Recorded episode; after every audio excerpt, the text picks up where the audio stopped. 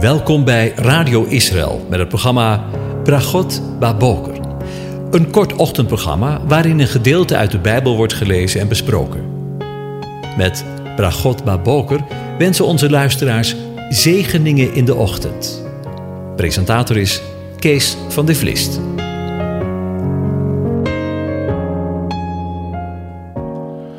Bokatov, goedemorgen beste luisteraars. Vanmorgen gaan we weer verder met een gedeelte van Psalm 72.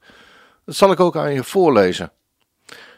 Want hij zal de armen redden die om hulp roept, en de ellendige en wie geen helper heeft.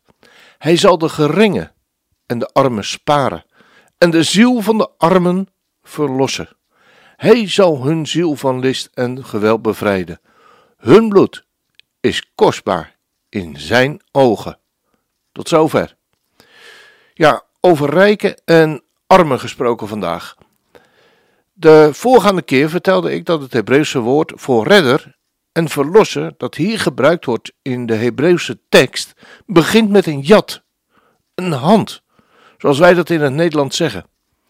En het heeft de betekenis van vasthouden. Hoe mooi is die gedachte?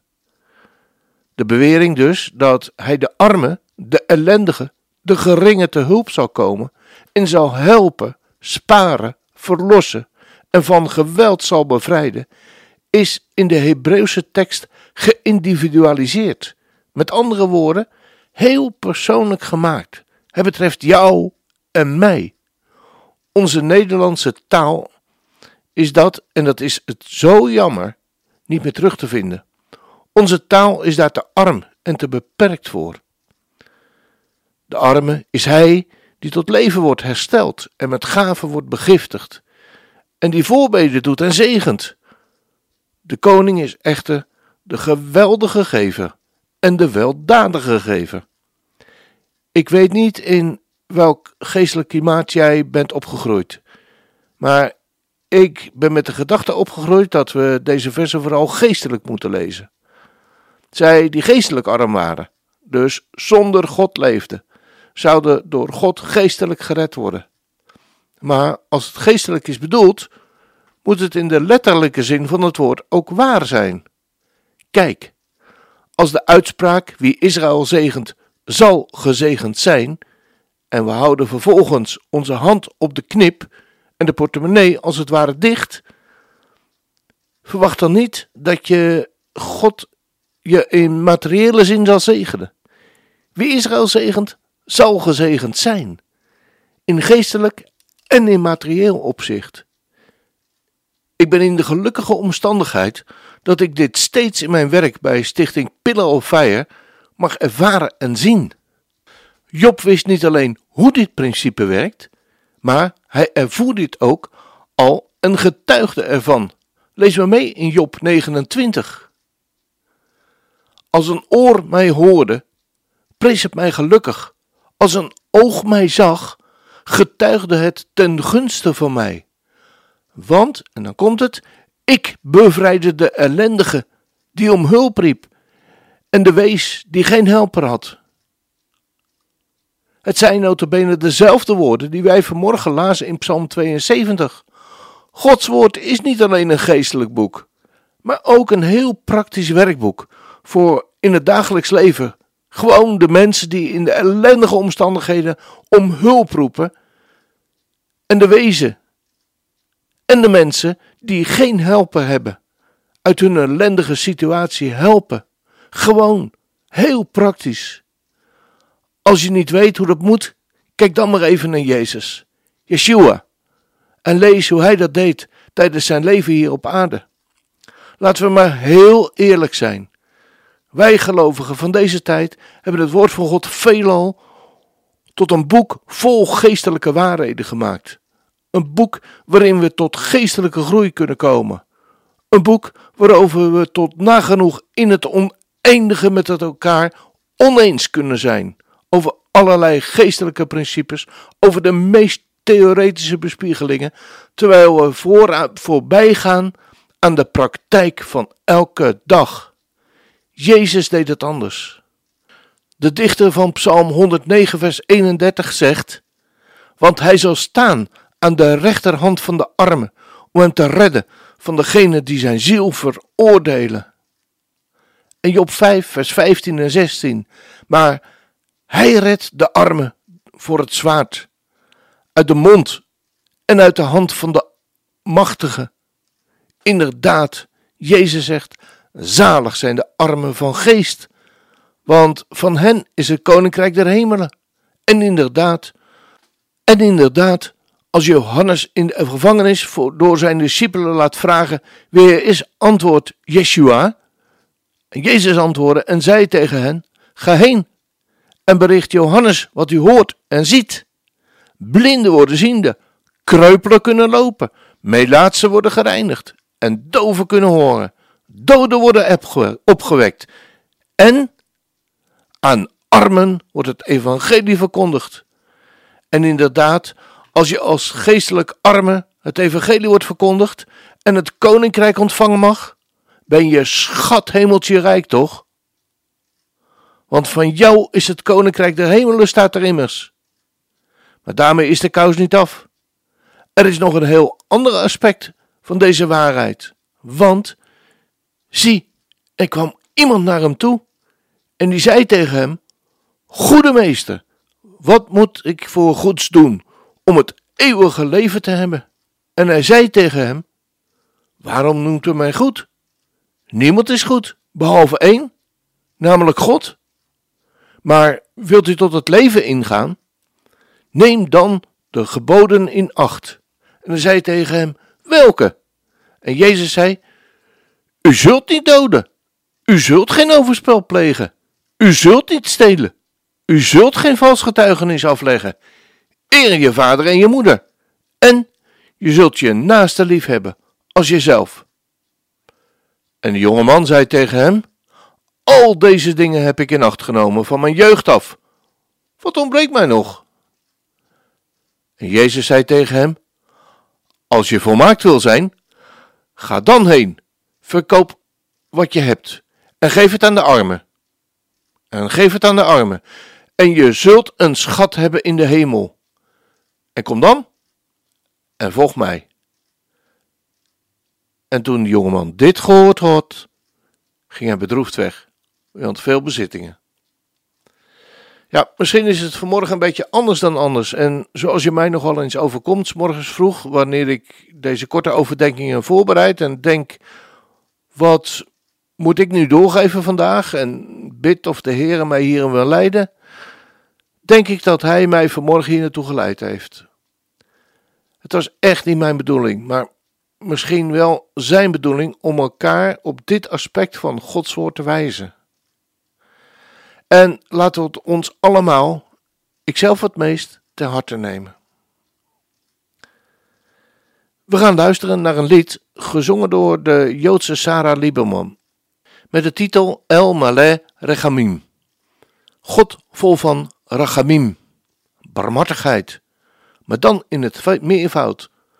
Rechamim. Want God is niet een God die eenmaal barmhartig is, maar vol van barmhartigheden. Bij hem is een overvloed. Een overvloed van barmhartigheden. In dit woord zitten twee Nederlandse woorden: arm en hart. En dat is precies wat het woord barmhartig wil zeggen: een hart hebben voor de armen. Niet één keer, maar voortdurend. We gaan luisteren naar het lied, maar blijf even luisteren na dit lied, want dan heb ik nog een vraag.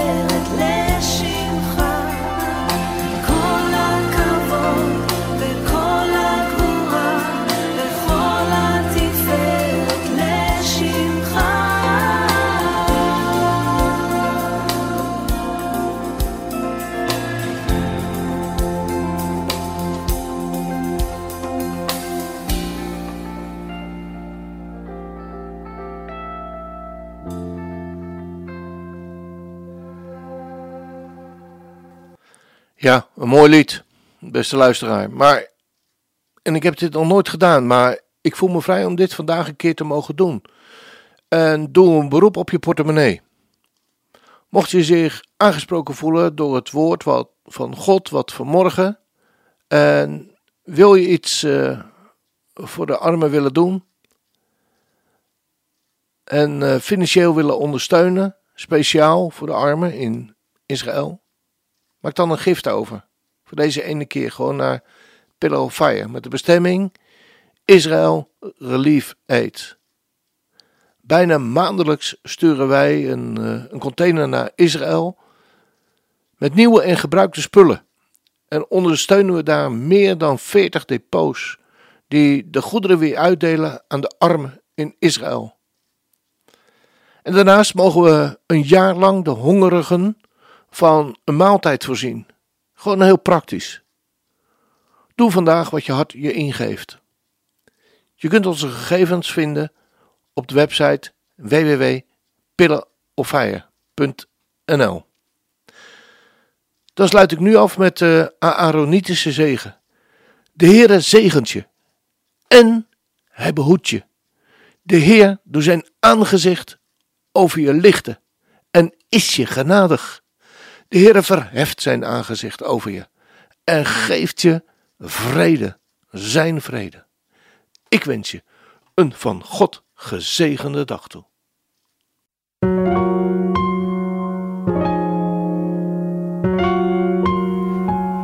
U hebt geluisterd naar het programma Bragot Baboker.